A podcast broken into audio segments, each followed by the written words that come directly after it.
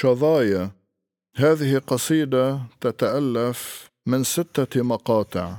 كل مقطع يحمل عنوانا. طريق.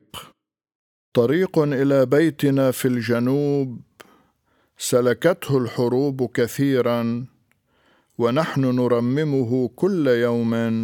نرمم أعمارنا فوقه. لنتابع سير الحروب.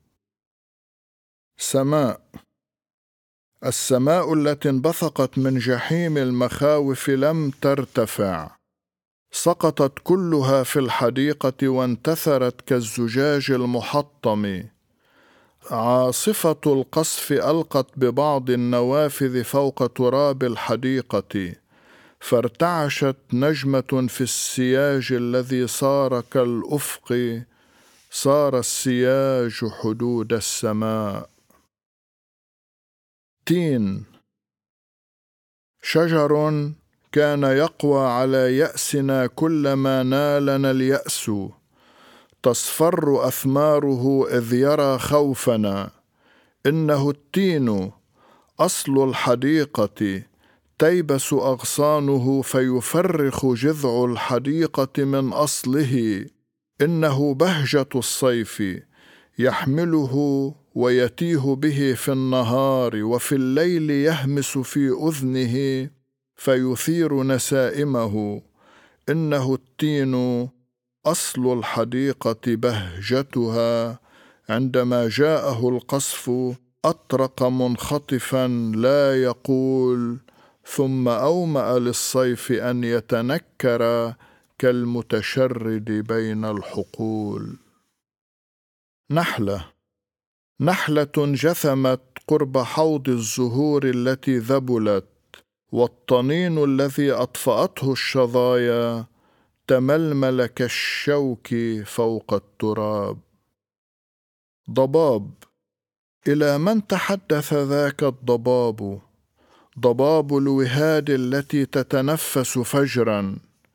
إلى من تحدث حين أتى وتبين وجه القرى غائرا في حطام البيوت. ترى هل تغلغل بين الحطام؟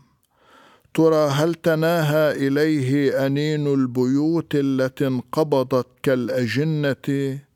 هل ضاع فوق الدروب يحاول أن يتلاشى فلا يستطيع؟ ضباب أضاع الجهات أضاع وجوه القرى وتقوض بين حطام البيوت تقوض مختنقا مثل فجر الوهاد. شرفة.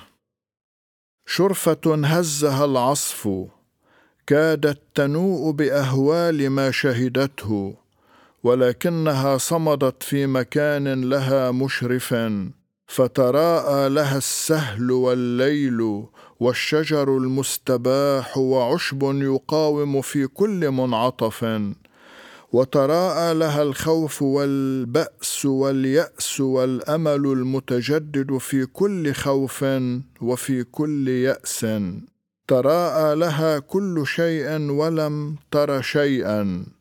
وظلت هنالك من حيث تشرف تهفو لظل لغصن لطير تحدق في السهل بين الشروق وبين الغروب تحدق في الليل بين الغروب وبين الشروق فلا السهل سهل ولا الليل ليل تراءى لها كل شيء ولم تر شيئا وظلت تطل وتهفو يمر بها زمن عطلته الحروب فتعلو عليه وتسبح في غيم وحشتها.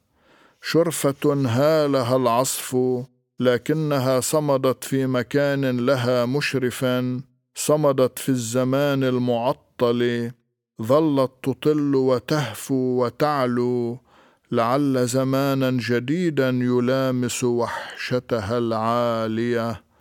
شرفة تتقصى الحياة فتصعد في برهة نائية.